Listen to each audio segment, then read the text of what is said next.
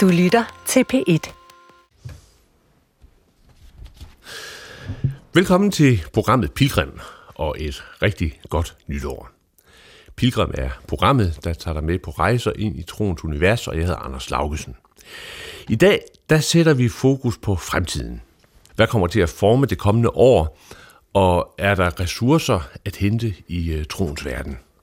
Med mig herinde i mit bibliotek, der har jeg Sten Hillebrand. Han har været professor i organisation og ledelse, og i de senere år har han beskæftiget sig meget indgående med verdens fremtid, blandt andet set gennem FN's verdensmål. Vi har taget krystalkuglen frem her på bordet, og undervejs der skal vi lytte til en lidt længere samtale, jeg har haft med højskolelærer Emil Hagemann på Løgum Kloster Højskole. Vi skal måske også lytte til det musik, men mere om det senere. Men Sten Hillebrand, godt nytår. Ja, tak. Sten, kan du huske nytårsmorgen som, som dreng og ung? Ja, det kan jeg. Øh, mange af mine nytårsmorgener, de, øh, de blev tilbragt i øh, noget, der hedder Fosdalen, hvor jeg havde en onkel, der var klitplantør. Og øh, nytårsmorgen var karakteriseret ved, at vi var en del unge mennesker, mm. Øh, fædre og kusiner, som var glade. Vi var glade for at være sammen. Vi var optimistiske. Vi så ingen problemer overhovedet. Nej. Da vi var unge i øh, 50'erne, der var ingen problemer, der var ingen fare, der var ikke noget, øh, der truede os. Tværtimod, verden var åben og fyldt med muligheder. Og, og hvis jeg så tager øh, nytårsmorgener fra min opvækst, det er så sådan 10 år senere, altså det er så i 60'erne og i begyndelsen af 70'erne, ja. øhm, så vil jeg sige, at det var det samme, der var ingen problemer.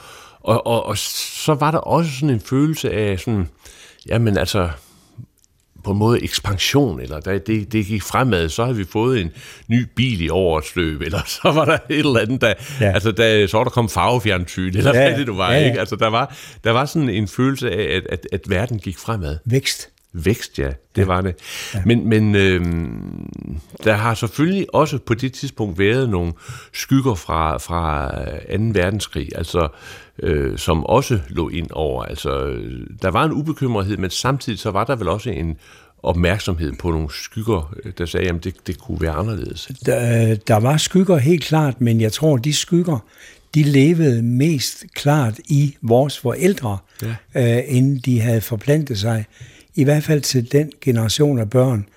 Øh, jeg er født i 44, så jeg har været øh, en teenager i, i 50'erne, og jo, selvfølgelig var der noget om krigen og krigens skyggesider og den mangel, mm. den mangel øh, situation, ja. som prægede efterkrigstiden med rationering. Mm. Nu taler vi jo igen om at rationere ja. vores forbrug af CO2. Dengang, der var der rationering, fordi der ikke var nok mm. smør eller nok øh, kød eller nok øh, af mange slags ting. Så, så det, det er på en måde den modsatte, den modsatte situation. Nu er der en overflod for mange af os af det meste, øh, så vi skal forbruge mindre, og dengang der var der et underskud af det meste, ja. øh, og der var en længsel efter at kunne forbruge mere. Og, og, og, og imens vi sådan øh, konstaterede, at nu kom der en ny transistorradio, eller hvad det nu var, der kom, så kunne ja. vi jo så se, øh, i hvert fald bedsteforældrenes øh, generationer, der, der samlede marmeladeglas og pakkede stablede aviser, og, ja. altså ligesom ja. havde der, der deres forråd. Ja. Men, men hvordan ser det ud i dag? Når vi nu sådan som et par lidt ældre herrer sidder der i lænestolen og kigger ud af vinduet ud på, på verden sådan nytårsmorgen? Altså, et af de ord, som jeg tænker på øh, i modsætning til øh, mine ubekymrede øh, teenageår, øh, det er det ord, øh, som jeg hørte øh, kort før jul, øh, nemlig ordet vækstregimet. At vi lever i et vækstregime. Det er vækst, der er det mest dominerende ord, mm. selv i øjeblikket, hvor vi alligevel godt et andet sted mærker, at væksten er et problem for os, så er der alligevel en voldsom fokusering på vækst. Vi skal have mere, vi skal have hurtigere, mm. det kan ikke gå hurtigt nok. Så selv på en række ikke bæredygtige områder, der fokuserer vi fortsat på vækst, vækst, vækst. Og, og man kan sige, at den store bekymring, den breder sig, hvis øh, bruttonationalproduktet går ned, eller, eller hvad der nu måtte være indikatorer på, at væksten ikke sådan holder den kadence, det skal. Ja, det ligger så dybt i os, at, øh, at vi faktisk bliver bekymret, hvis væksten, hvis den simple økonomiske, ikke bæredygtige vækst aftager, så bliver vi bekymrede, fordi så sætter vores normale talrækker, så sætter de ud og bliver forkerte, mm. går ned af, eller, og det er vel i virkeligheden en af de klemmer, vi sidder i, øh, at vores grundlæggende forståelse af verdens udvikling og af menneskers plads i den udvikling, øh, at der er en række ting der, vi skal, have, vi skal til at se anderledes på, så, end vi har lært. Så, så, så kan man måske sige, at, at, at øh, vi, der er her nu, altså vores generationer, vi, vi har, øh, altså vi, på en måde har vi jo ikke oplevet andet end vækst og, og fremgang, men det også har sat sig dybe mentale spor, at, at det er det er meget vanskeligt at forestille sig en verden, der ligner vores øh, tibolleforældre, eller hvad ved jeg, altså hvor den der vækstdrive ikke er, er sådan, øh, pulsen er nærværende. Det tror jeg, det er. Jeg tror, det er ufatteligt svært for os, fordi det indebærer, at vi skal se anderledes på vores eget liv. Vi skal se anderledes på, hvad er det staten skal, mm. hvad er det en kommune skal, og måske frem for alt, vi skal til at se anderledes på, hvad er en privat virksomhed, hvad er dens opgaver, hvad er meningen med en privat virksomhed. Mm. Uh, at der er en række fænomener, som vi er kommet til at opfatte som det normale, ja. og, som verden, og sådan som verden må se ud. Mm. En masse af de uh, fænomener, øh, skal fremtidige generationer øh, til at se helt anderledes på. Vi evner det muligvis ikke os, der lever nu, øh, mm. og som er karakteriseret ved en, en øh, amerikansk psykologiprofessor, der hedder Amy Edmondson, der siger, det er svært at lære, hvis man allerede ved. Og vores problem, mit problem i hvert fald, det er jo, og dit problem, det er, vi ved en masse. Øh, vi har en masse forestillinger, mm. vi har en masse modeller øh, for, hvordan det ene og det andet ser ud og bør se ud. Mm. Og meget af det, det skal ændres. Fordi det er, et, det, er en, det er en boble, eller det er et sidespor, vi kommer ind på. Dette vækstregime mm. øh, er et regime, hvis tid er omme og som derfor skal ændres til noget, som vi jo ikke har særlig præcise mm. forståelse af, hvordan er. Mm. Nu sidder vi jo inde i et, et bibliotek omgivet af rigtig mange bøger, der øh, ja. på mange forskellige vis peger ind i, i retning af, hvad skal vi sige, menneskets sind eller menneskets fordybelse. Der er psykologi, og der ja. er teologi, og der er religionshistorie osv. herinde. Og noget, som, som samtidig slår mig, når jeg sidder herinde, og så har taget nogle bøger med, som hører til i, i et andet rum, nemlig stakken af klimabøger her, ikke? som jeg har, jeg har sådan, det, det hører ja. til inde i, det, inde, i, inde i arbejdskontoret. Men det er jo, at, at øh, lige præcis når vi har det der, det du kalder vækstregimet, så er det ofte, at vi ikke kigger på, hvad, altså de der drivkræfter, der er bag væksten, hvordan er de blevet beskrevet i psykologien eller i, i religionen. Altså for eksempel i, øh, i buddhismen, der taler man om, at menneskets begær og menneskets vrede og menneskets dumhed er de mest fundamentale drivkræfter i det her, man kalder livshjulet. Øh, og, og, og der kan man så sige, at når vi taler om, om vækst, øh, og væksten skal, skal, skal fortsætte, så har det jo også rod i, at hvis væksten ikke fortsætter, og min pension, den øh, bliver mindre, og jeg kan, kan købe mindre, og øh, sådan ser en, en, en reduktion af, af, af mig selv, så går det ind og rører ved min hvad skal vi sige, skal vi sige begærs livskræfter, ikke? Eller ja. Øh, ja. det, at jeg har en opsparing, som jeg ikke bryder mig om, bliver reduceret for meget, ikke? Ja. Det går ind og, og, og adresserer nogle psykologiske faktorer, ja. som i virkeligheden jo hører til inde i de der årtusinders beskrivelser, der findes i biblioteket her af menneskesind. Ja, og så bliver det jo først rigtig vanskeligt, fordi mm. øh, vækstregimets øh, måde at fungere på, og den måde vækstregimet er karakteriseret på, det kan vi se. med det blotte øje, og jeg kan følge min pensionskonto. Ja. Øh, jeg kan følge min bankkonto. Jeg kan se på min, jeg kan, jeg kan se mine udbetalinger. Altså der har vi hele tiden syden for savn. Ja. Øh, hvorimod når det kommer til disse indre øh, psykologiske, religiøse, øh, eksistentielle øh, fænomener, overvejelser, mønstre, overleveringer, så bliver det straks meget vanskeligere, mm. når vi bevæger os ind i menneskets sind, eller menneskets motiver, eller vores mere grundlæggende forståelse af, hvad er et liv, hvad er ja. meningen med, øh, og nu taler du om øh, begærets ja. øh, psykologi, eller, og det er klart, der er øh, nogle dybe menneskelige og intermenneskelige fænomener, mm. Som vi alle sammen måske skal have mere forbindelse med, ja. eller mere forståelse af, og som vi måske ikke øh, får i de former for liv, ja, i de former for skolegang, ja. øh, som vi har været en del af. Mm.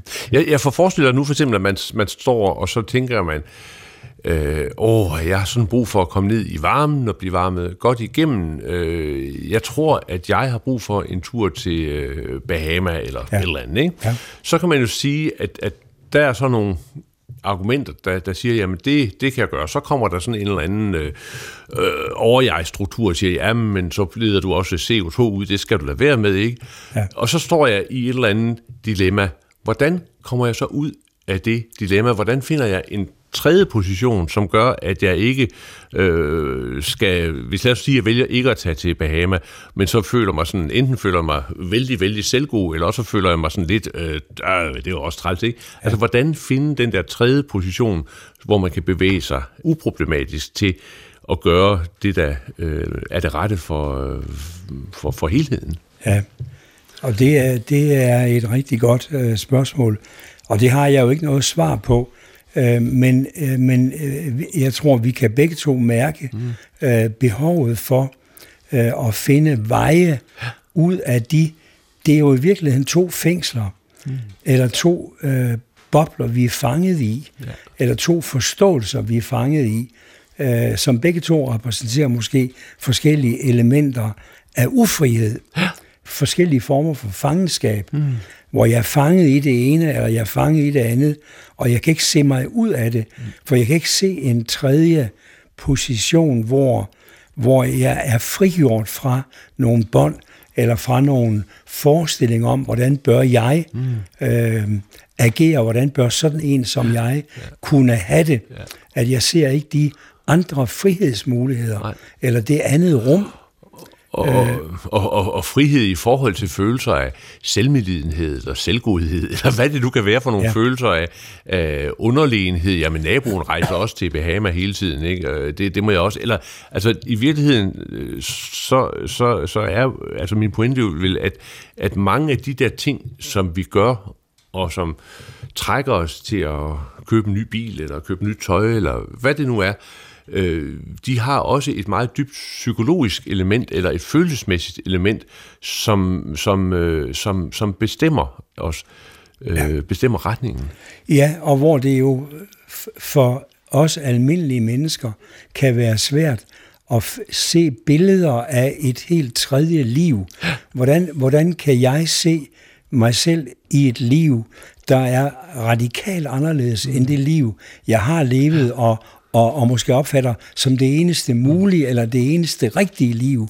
At der er andre, selv i vores land, der er andre livsformer, mm. øh, som, som er mulige, men som det er meget, meget svært for mig at se vejen over til, ja. øh, og også svært at se mig selv leve i.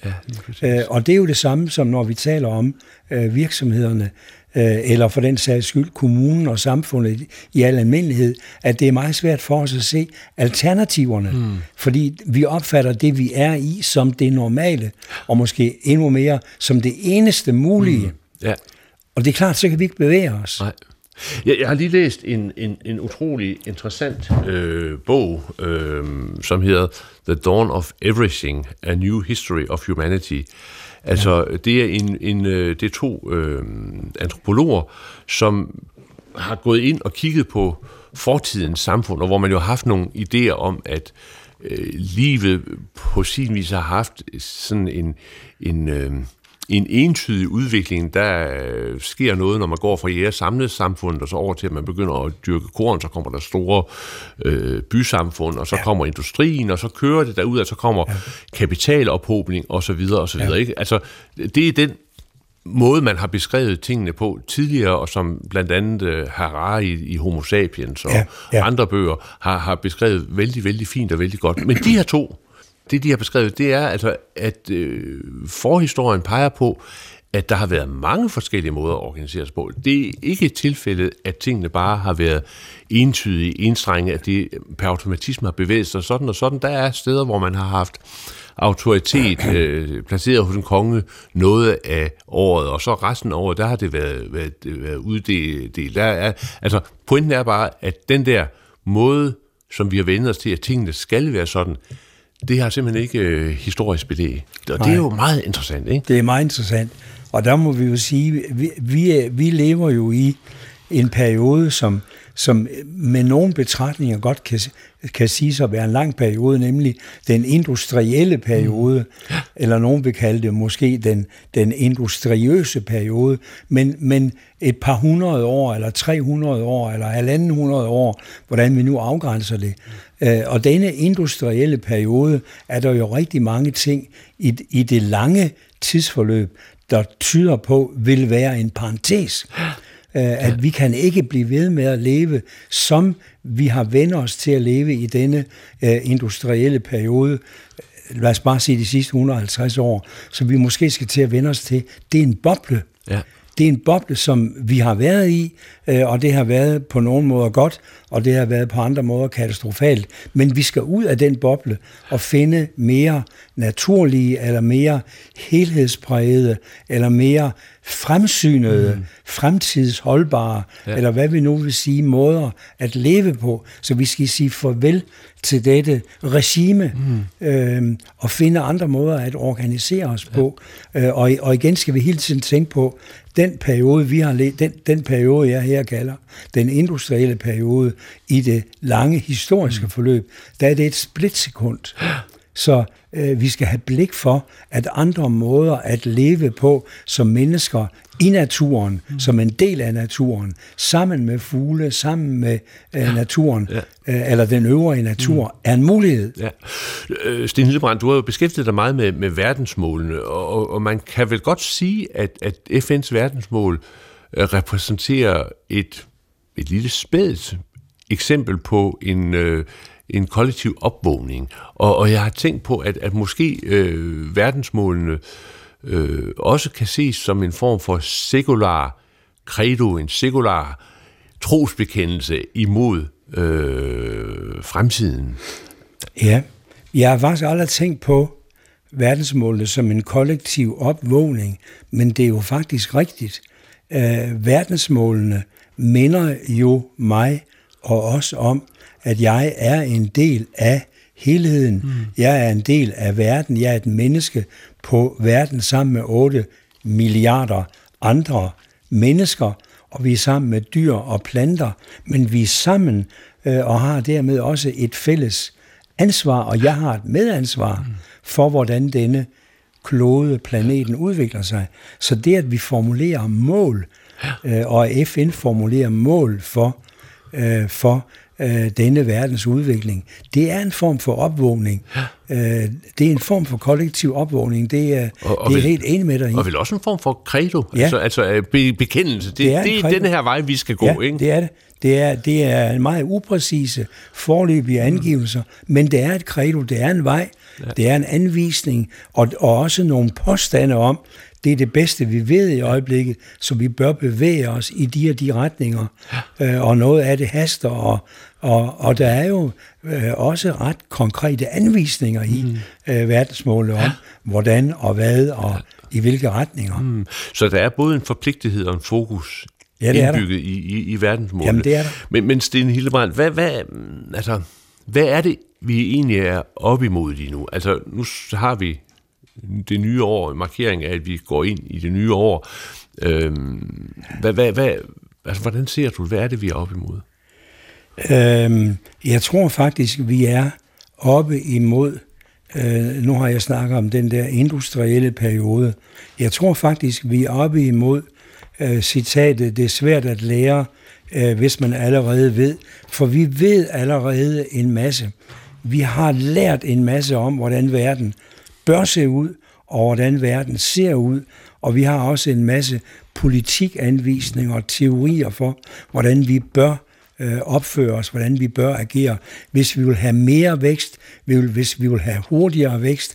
Og meget af det, det er faktisk noget det, vi skal have gjort op med, og så i virkeligheden, øh, lad os så bare sige verdensmålene, lad os tage verdensmålene alvorligt som et alternativ mm. til vækstens regime, eller til den traditionelle måde at tænke industrisamfund på. Ja. Det, det er noget af det, vi er oppe imod, hvor, hvor vi skal have mod til, øh, også have lyst til, men også have mod til øh, at erkende, at der er andre måder hmm. for os mennesker at være til stede på, ja. på kloden og på planeten. Og, og så kan man jo godt sige, at øh, hvis vi nu havde den her diskussion for, lad os sige, 50 år siden, øh, så ville det handle om nogle ideologiske positioner. Altså, eksempel kommunismen havde nogle ja. idealer om, om, om, om man skulle dele om ting, og så videre. Ja. Der var nogle forskellige positioner ja. ud fra et idealistisk grundlag. Men det, som vil gøre den helt store forskel i forhold til det, du siger, og så den tidligere ideologiske diskussion, det er, at i dag, så kan vi se, at det her, det handler ikke om, hvad vi hvad vi sådan principielt set synes, man skal eller ikke skal. Det handler om, at vi er op imod nogle planetare øh, barriere eller en afgrund, vi er på vej ud over. Altså, hvis vi ikke vi ændrer adfærd, øh, så, øh, ja, så har vi ikke ansvaret for de endnu ikke fødte generationer. Nej, og der, der er vi jo over i øh, Brundtland, ja. uh, kommissionens uh, definition på bæredygtighed, men du antyder også et gammelt kinesisk ordsprog, der hedder, hvis vi ikke ændrer adfærd, så ender vi der, hvor vi er på vej hen. Ja. uh, ja. Og det er et gammelt, uh, det, det er et interessant udsagn, fordi der er jo mange ting, der tyder på, at hvis vi fortsætter på kloden øh, den udvikling, eller de udviklinger, øh, vi er i gang med nu, så ender vi et rigtig forkert sted. Ja. Så ender vi med katastrofer. Så vi er nødt til at skifte retning. Mm. Vi er nødt til, og der kan vi så tage Brundtland-definitionen, vi er nødt til at tage ansvar for, at de endnu ikke fødte generationer også skal have et liv, mm og skal have et godt liv, at ja. det så end er ja. på kloden. Og hvis det skal ske, så skal vi, der lever nu, ændre adfærd. Ja. Øh, vi har et medansvar for de endnu ikke fødte generationer. Øh, og deres liv er betinget af, eller i hvert fald blandt andet betinget af, hvad vi mm. gør nu på kloden. Ja. Og det er vores medansvar for, at tage bestik af, mm. at vi er på en forkert kurs. Og, og så kan man jo godt sige, at det der med at være på en forkert kurs og på katastrofekurs, det så kan være noget, der, der er forbeholdt sådan klimavidenskabsmænd øh, øh, og sådan noget. Men jeg har faktisk for nylig læst en, en, en meget øh, interessant øh, bog, som handler om øh, det amerikanske forsvars forberedelse på klimakatastrofe. Øh, fordi de er jo sådan på sin vis som udgangspunkt helt neutrale over for, hvordan det ene eller det andet er. Men sker der noget, så skal de forsvare ja. Amerika. Ikke? Ja.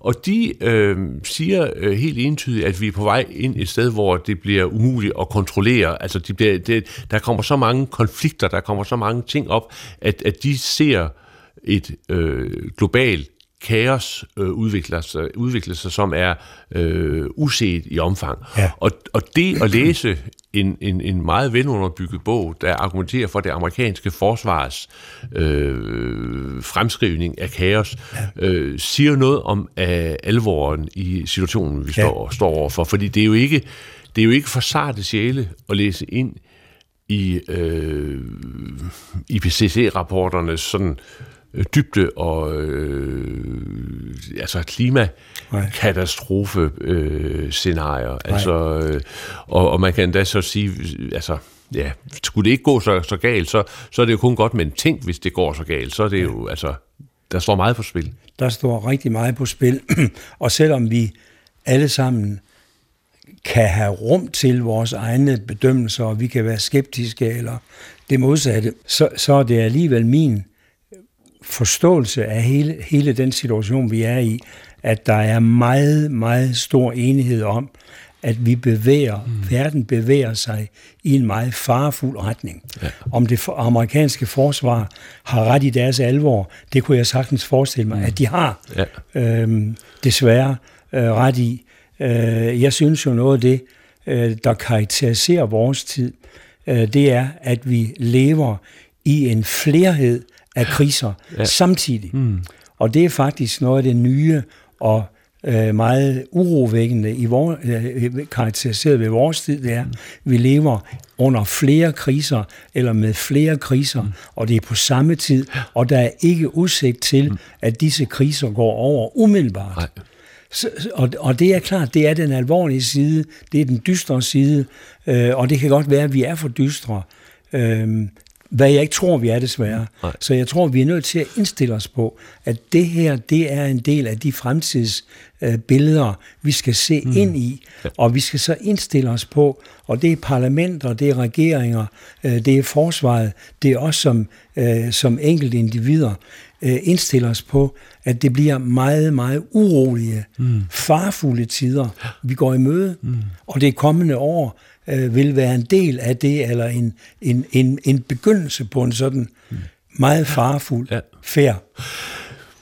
Nu må sige, vi sidder her og kigger med vores baggrund på den verden, vi ser foran os, men, men øh, øh, den unge generation er jo vokset op med øh, beskrivelser af klimakrise, beskrivelser af, hvordan verden forandrer sig øh, i en forkert retning lige nu, og også en beskrivelse af, at der bliver talt en hel masse, men reelt set så, så, så er fremskridtene øh, begrænset, i hvert fald ikke i det hast, de skal være. Og derfor så har jeg tit tænkt på, hvordan, hvordan reagerer unge mennesker egentlig sådan eksistentielt, øh, når de som en del af deres øh, baggrund, deres klangbund, øh, har udsigten til at gå ind i en fremtid, som er, som er ret alvorlig. Og derfor så har jeg taget øh, til øh, Løgum Kloster, hvor jeg har talt med øh, Emil Hagemann, som er filosof og som også øh, har en masse omkring bæredygtighed med sig og underviser i det dernede, ja. for at høre, hvordan, øh, hvordan oplever han samtalen med sine øh, højskoleelever ja. øh, om det her. Så du skal lige tage de her hovedtelefoner på, og så ja. spiller vi det indslag. Emil Hagemann Christensen. Vi sidder på øh, Løgum Kloster Højskole, og øh, du er højskolelærer hernede i blandt andet filosofi, ja. og du har også beskæftiget dig med bæredygtighed som område. Ja.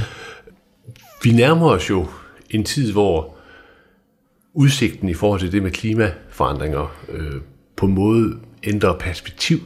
Mm. Øh, halvanden grads mål er nu en saga blot. Øh, vi ser nogle af de større sådan, oversvømmelser øh, slog igennem, og udsigten til, at de der gennemgribende forandringer, som man jo siger ifølge alle rapporter, er nødvendige, de sker rundt omkring i verden. Måske sker det i Danmark, men rundt omkring i verden, er ikke sådan ligefrem sådan, øh, åbenlyse. Hvad siger du til dine elever i den situation? Ja, ja hvis, blandt andet er det vigtigt, jeg mener det er vigtigt, at vi forholder os til situationen også, og videnskaben. Og det er rigtigt, at videnskaben, den bliver heldigvis, kan man sige, mere og mere præcis. Øh, også i forhold til, hvor langt vi er fra at nå 1,5 graders målet. At vi allerede nu har en temperaturstigning på 1, noget nær 1,1 osv. Og det kan godt øh, indgyde en lille smule øh, til mismod. Men jeg mener, at første skridt, og den måde, vi arbejder med det, også med eleverne og her på højskolen, det er ligesom at se, altså at ture stå ved situationen og se den i øjnene ved de videnskabelige briller, man kan tage på, og den mm. hjælp, man kan få fra de videnskabelige miljøer, for eksempel FN's egen øh, IPCC-gruppe, øh, der laver de her rapporter, altså at starte, og ture starte ved videnskaben. Men, men sådan en, en ungdomsgeneration og et højskolehold, hvor der er et, en udsigt til øh, ret omfattende problemer ja. i deres levetid, og i hvert fald hvis de får børn, så i børnenes levetid, mm. påvirker det dem sådan eksistentielt? Påvirker det øh, udsynet i forhold til livet? Ja, det gør det. Det påvirker, det påvirker dem eksistentielt øh, der, hvor vi står, og det påvirker deres udsyn i forhold til, hvad det for en usikker fremtid, man træder ind i. Mm. Og der er dystre toner, og der er mørke øh, toner ind over også fremtidsperspektiv. Men, og det er så noget af det, jeg prøver at gøre i min lærergærning, der er faktisk også potentialer, og der er muligheder. Øhm, der, er, der er muligheder for at tabe ind, kunne man nærmest sige, i nogle meningsfulde processer. At etablere sig selv sammen med andre, øhm, og arbejde med projekter, som, fordi at der er noget, der kalder på os nu. Mm. Altså tiden kalder, naturen kalder, og hvem er vi? Vi er sådan nogen, det er det, vi skal hjælpe hinanden med at forstå og overbevise hinanden om. Vi er sådan nogen, der kan svare. Ja. Altså det, det, der er et identitetspotentiale, øh, udviklingspotentiale, som jeg føler nogle gange, de unge godt kan gå og længes lidt efter. Mm. Og det ser jeg som en, en, en mulighed og en styrke ja. som højskolelærer. At man kan handle med man kan handle mere formålsbestemt nu, som enkelt individ, mm. men især ind i nogle grupper, der arbejder for og det, den helt store sag, ikke? altså klima og miljø. Mm. Nu kan vi jo høre øh, klokkespillet ja. over ved Løgum Kloster i baggrunden, og vi er på, på en højskole, Løgum Kloster og højskole, der øh, tidligere var meget funderet ind i et kristent øh, livssyn, og derovre i ved Løgum Kloster Kirke, der har vi jo refugiet og folkekirken til efteruddannelse osv. Øhm, så der er hernede i området en, en sådan massiv tilstedeværelse af et livssyn, man har kunnet læne sig ind i, mm. og så også få inspiration i forhold til de udfordringer, man nu stod overfor i mm. livet. Hvordan er det i dag? Altså, hvor læner unge mennesker sig hen for at få noget rygstød i forhold ja. til de der ud, ud, ud, udfordringer, som vi ligesom har, har, øh, har hørt og beskrevet? Ja. Ja, det er et godt spørgsmål. For det første synes jeg, det er fedt, at der er sådan en kulturarv hernede, hvor man har dyrket øh, ånd. Mm. Altså, der er noget, der er noget på spil, noget ja. åndsligt ja. på spil. Og det kan vi så på den her almindelige brede højskole, vi nu laver i Lykum Kloster, det kan vi godt bruge, er måske, øh, kan jeg sige det på den måde, altså, ja. fordi man kan, vi skal have gang i sådan noget som ånd. Vi skal turde lade os blive begejstret over noget, der er større end os selv. En proces, også en abstraktion, der er større end os selv. Et forløb, der er større end os selv. Øh, og det er det, jeg mener, at klima og miljø, øh, tidsalderen, også er en, en mulighed for. Så den måde, vi arbejder med, øh, kan man sige, det åndslige hernede, det er både først og fremmest at give dem en højskoleoplevelse, give dem højskoleånd. Det er ja, nemlig noget, der kommer ja. bag på en. Alle har, som starter på en højskole, har en idé om, uff, der er et eller andet på spil. Mine venner siger, at der var et eller andet transformativt. Nej, sådan siger de det nok ikke. Noget, der er noget på spil, der er noget højskole i det. Ja. Og det skal vi give dem.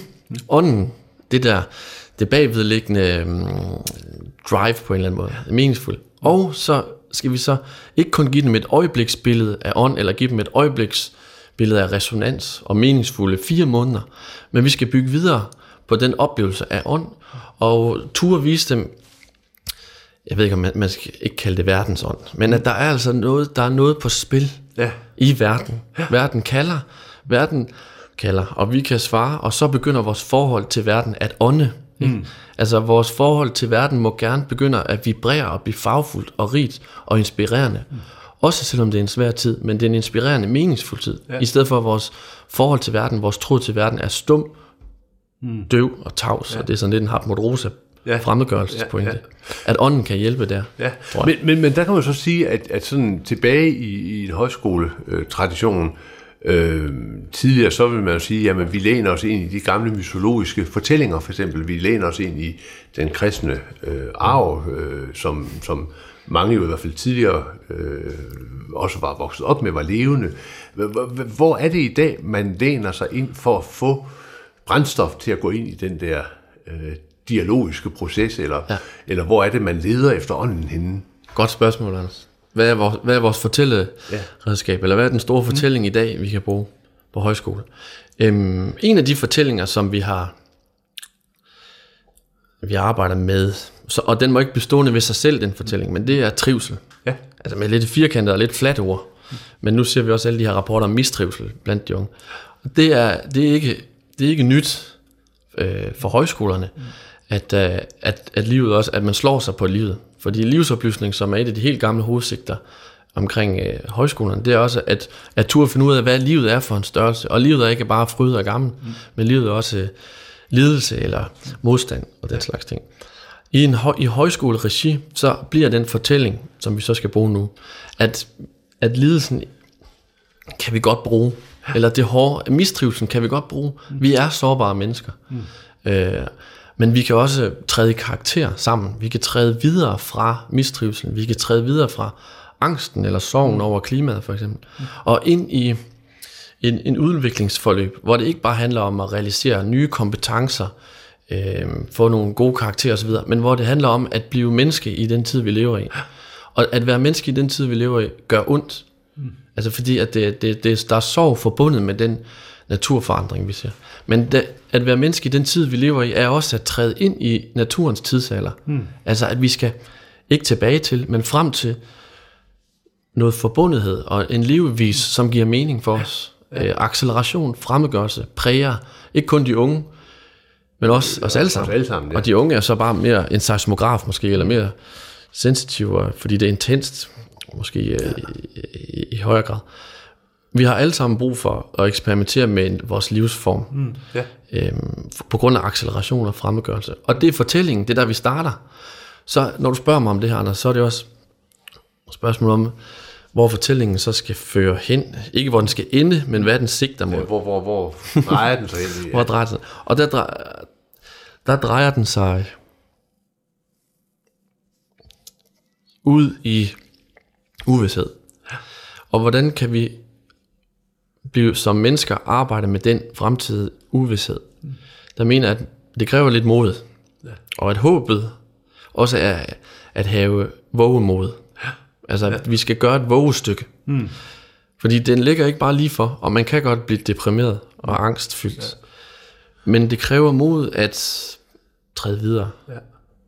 Og, og der kan man så sige, at, at, at hvis man kigger over på den anden side af, af gaden over mod Løgum Kloster Kirke og Refugie, så vil svaret sige, være ja. blandt andet, jamen der er en Gud, som, som, som holder fast i dig, og som du kan læne dig opad. Ja.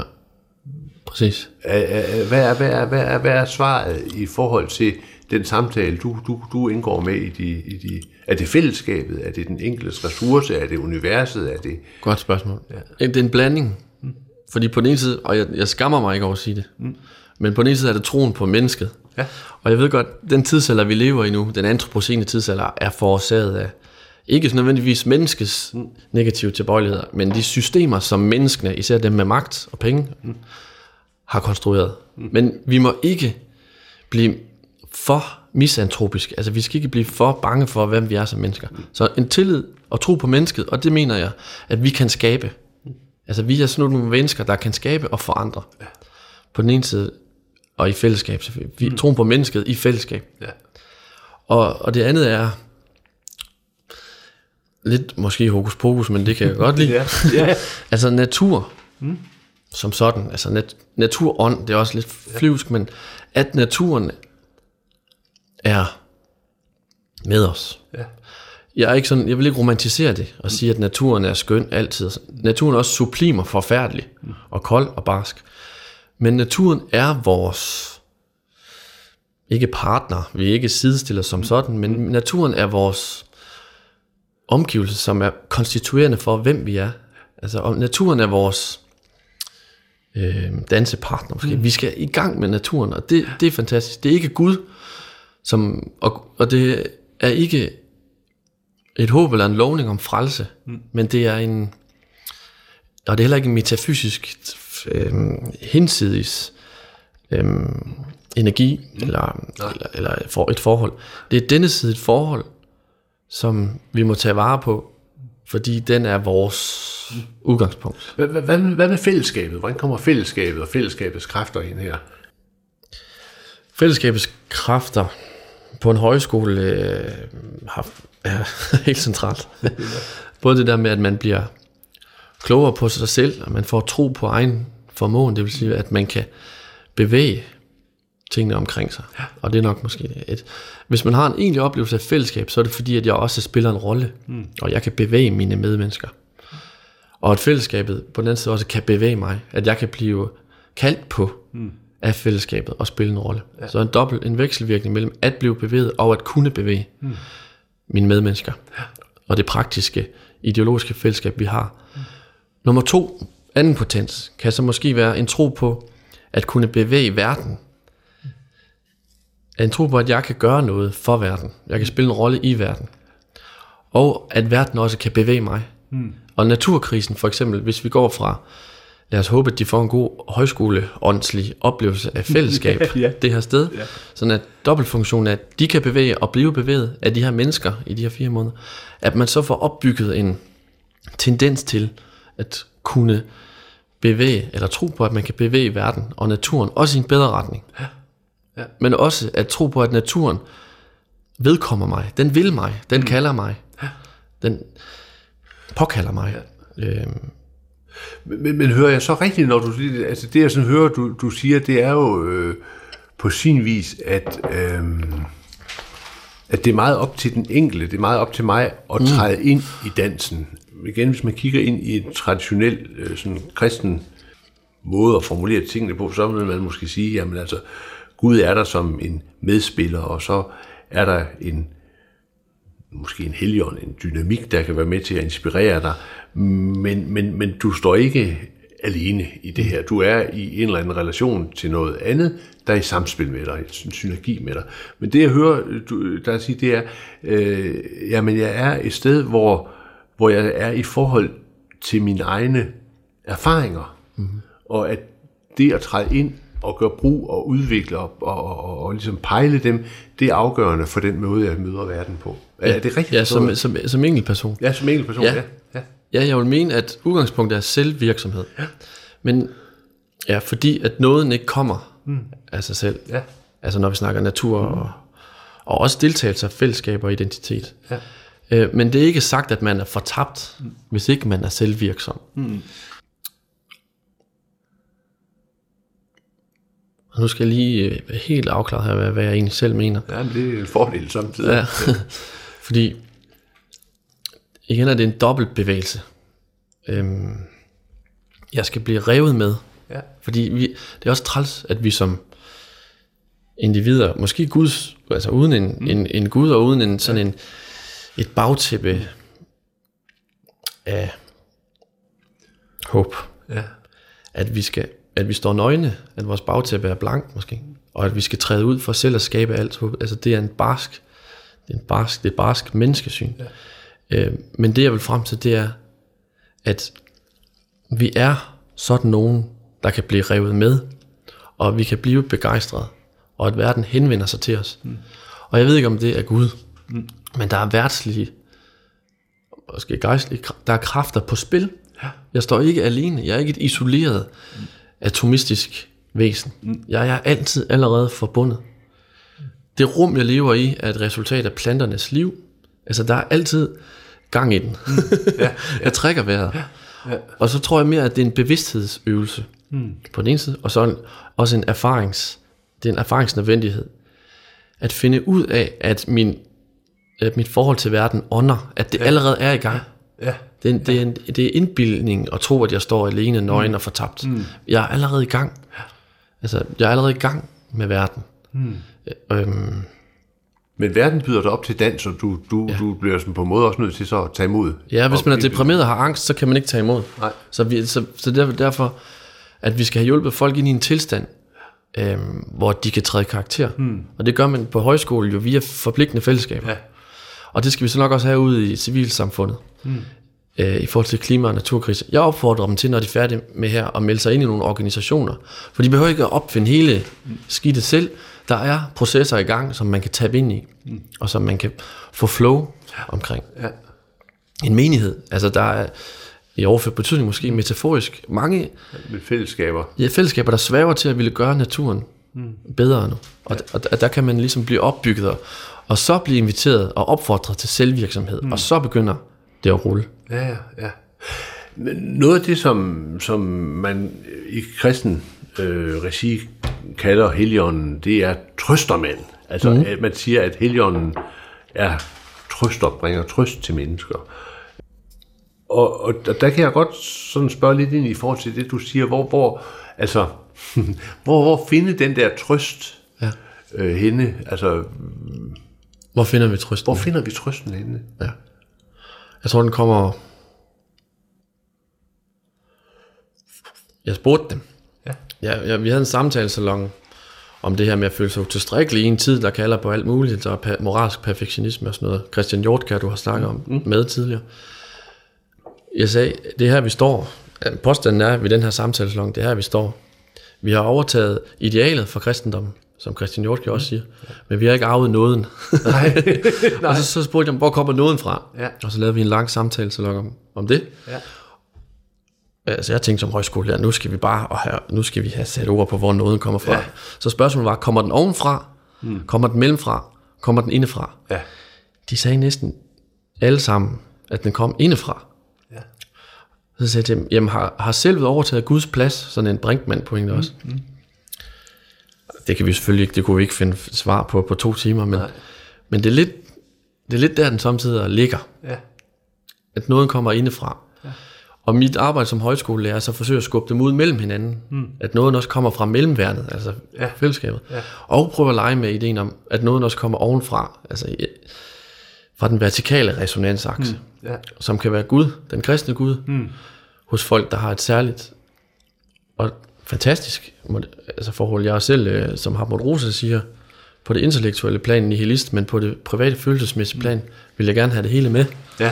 Også den kristne Ja. Gud. Og det kan man så diskutere, om det er godt nok. ja, ja, men, men altså, få dem til at kigge opad. Hmm. Vi er det væsen også. Det er dyr, der kan ja, læne nakken tilbage og indtage hmm. alkohol og andre ting, ja. men også se op mod stjernerne og kigge opad. Hmm. Om så er det Gud, eller det er naturånd. Altså, fordi jeg tror, naturforbindelse og naturforbundethed og naturdannelse i dag er lidt en, den metafysiske garant for at fylde det hul ud, ja. øh, som vi kan have vertikalt. Hmm. Den, længsel, den vertikale længsel, vi kan have. Ja. Ja. Så nåden kommer ovenfra, men der er jeg kirkegårdianer, sådan at det er mit personlige anlæggende. Ja. Gud er min er en meget inderlig Ja. ven, eller Ja, ja. et absolut forhold. Ja, ja. Og det kan jeg ikke meddele, det kan jeg kommunikere. Så når jeg vil have eleverne ud og undersøge deres vertikale, måske sådan lidt troende religiøse forhold til den store fortælling, og det skal nok gå, Ja. jamen så er, det, så er det på en måde en individuel øvelse. Øvelse, synes jeg. Og det, det er jo måske sådan lidt dobbelt paradoxalt, ikke? Når Ja, ja, ja, selvved jo er. Mm. Hvis du sådan taler med, med, med, med dine elever ind i, i det der fremtidsperspektiv, øhm, føler de sig så svigtet? Man kan sige, man, man, man bliver født som ung menneske ind i en tid, der, der, der stiller nogle nye livsbetingelser, ikke? Og, Ja. og hvor, hvor mange i min generation jo ikke, vi har jo ikke, vi har ikke været udvist rettidig omhu. Det kan man jo ikke sige, vi har. Øhm, om de, de føler sig svigtet, de føler sig presset. Presset, ja. Jeg tror, svigt er, er nok så meget sagt. Hmm. Øhm, de, de er også bevidste om deres egen rolle, Ja. eller skyld med et lidt voldsomt ord. Hmm. Og så kan jeg så godt lide, at Christian Hjortkær for eksempel også siger, at det er ikke jeres skyld, men det er jeres ansvar. Ja. Fordi skyldfølelse er ikke nødvendigvis særlig opbyggelig. Mm. Men ansvar kan godt være, hvor man får øje på sig selv og andre, og nogle opgaver, der giver mening. Ja. Øhm, om de føler sig svigtet af dem, der kom før dem. Ja, politikere, mm. systemer, øh, altså... Øh, Ja. Jamen, jeg føler ligesom, de er, de er klar. Altså, de vil gerne. Ja. Øh, og de er ressourcefulde. Mm. Og de er, um, de er engageret. ja. Og, det- og man kan sige, der kan godt være sådan lidt en, for, en skuffelse. En, en, en skuffelse. Men, men der er også et, et drive for at komme videre. Altså, mm. vi, har, vi behøver ikke at bøvle med det her. Mm. Vi er i sølet, og det, det, er noget, det er noget, undskyld, jeg siger det, det er noget, Ja. det er en lortesituation. Mm. Men det, det kan ikke nytte, og vi har peget fingre. Vi har brugt mange år nu også mm. i deres liv. Men de sidste 10-15 år på at pege fingre. Og jeg tror bare gerne, de også vil rykke videre. Ja, ja.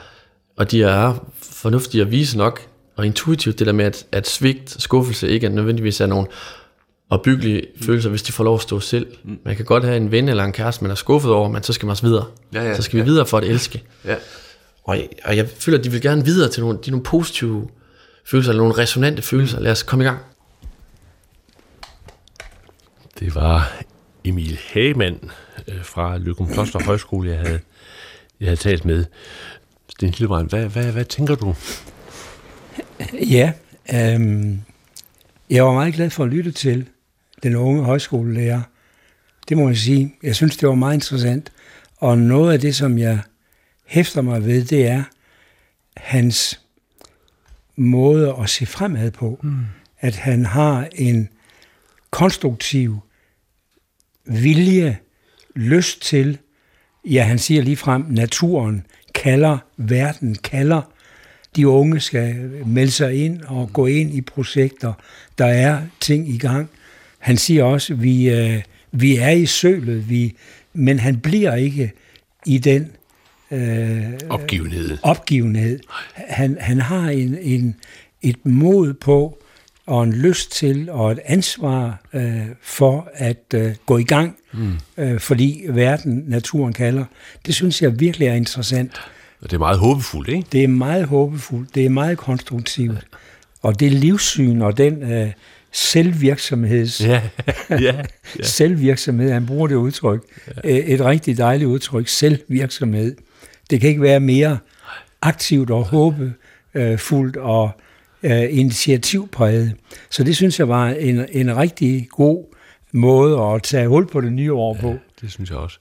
Ja, jeg synes, at det, det øh, altså, når man, når man hører det, man sidder her som en lidt bekymret ja. ældre herre, ja, ja, det er det. med god grund jo ikke, men altså ja. så alligevel... Øh, øh, hører sådan noget som Emil, men jeg tænker også, øh, jeg har jo nogle, nogle drenge, som, som er på alder med Emil, altså der i begyndelsen af 30'erne, øh, og se deres måde at organisere sig på, og leve på, og, ja. og gå ind i tingene på, er... Øh, altså, der, der er virkelig livskræfter, ja. ikke? Altså, øh, livet i sig selv har også nogle livskræfter, der ikke bare vil lade sig nøje med, at det hele falder fra hinanden. Ja, det er det.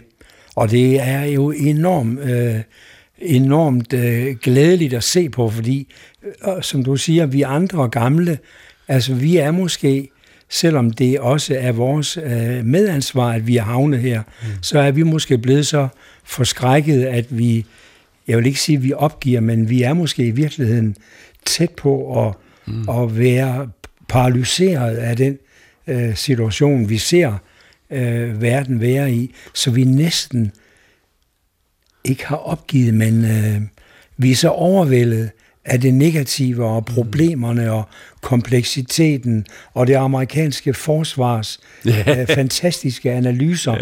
Så hvad kan vi gøre overhovedet? Mm, hvad er der at gøre? Hvor vi her møder et ung menneske, som, som ikke er blind for sølet. Mm. Uh, absolut ikke. Han har, synes jeg, nogle klare udsagn om uh, verdens tilstand og øh, og øh, verdens problemer, men han har jo i virkeligheden flere udsagn om verdens ånd og ånden og et positivt livssyn og øh, øh, naturen, og vi er en del af naturen. Så, så han har et overskud, og det er det overskud, jeg er imponeret over. Og som måske også i nogen grad kommer bag på mig, mm. øh, hvor jeg måske havde øh, frygtet mere, øh, mere øh, skal vi sige, bare mere oprør ja. eller mere kritik. Fordi vi, vi skal have, vores generationer skal have kritik, men, men hvis de unge generationer stopper med det, eller stopper der, mm. så kommer vi ikke videre. Nej. Nej. Så, vi, så det der med at komme videre, øh, og det var også det, han sagde, vi skal videre, vi skal videre, øh, det synes jeg er enormt positivt. Ja. Så vi, vi venter lidt på, at hans generation og ja.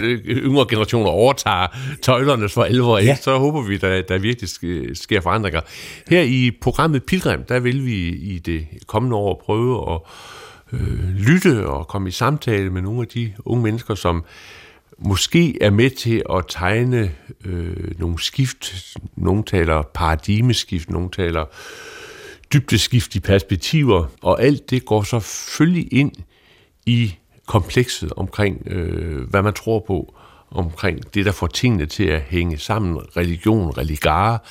Øh, så det er naturligt, at det er nogle veje, vi kommer til at følge her i, i Pilgrim. Det var øh, højskolelærer Ibil Hagemann fra Løgum Kloster Højskole, som vi lyttede til. Sten Hillebrand, godt nytår, og tak fordi du kom.